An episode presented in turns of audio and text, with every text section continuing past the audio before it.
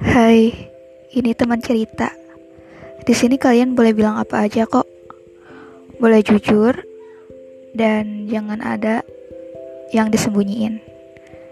Di sini kita saling sharing pengalaman, mengenal puisi, terus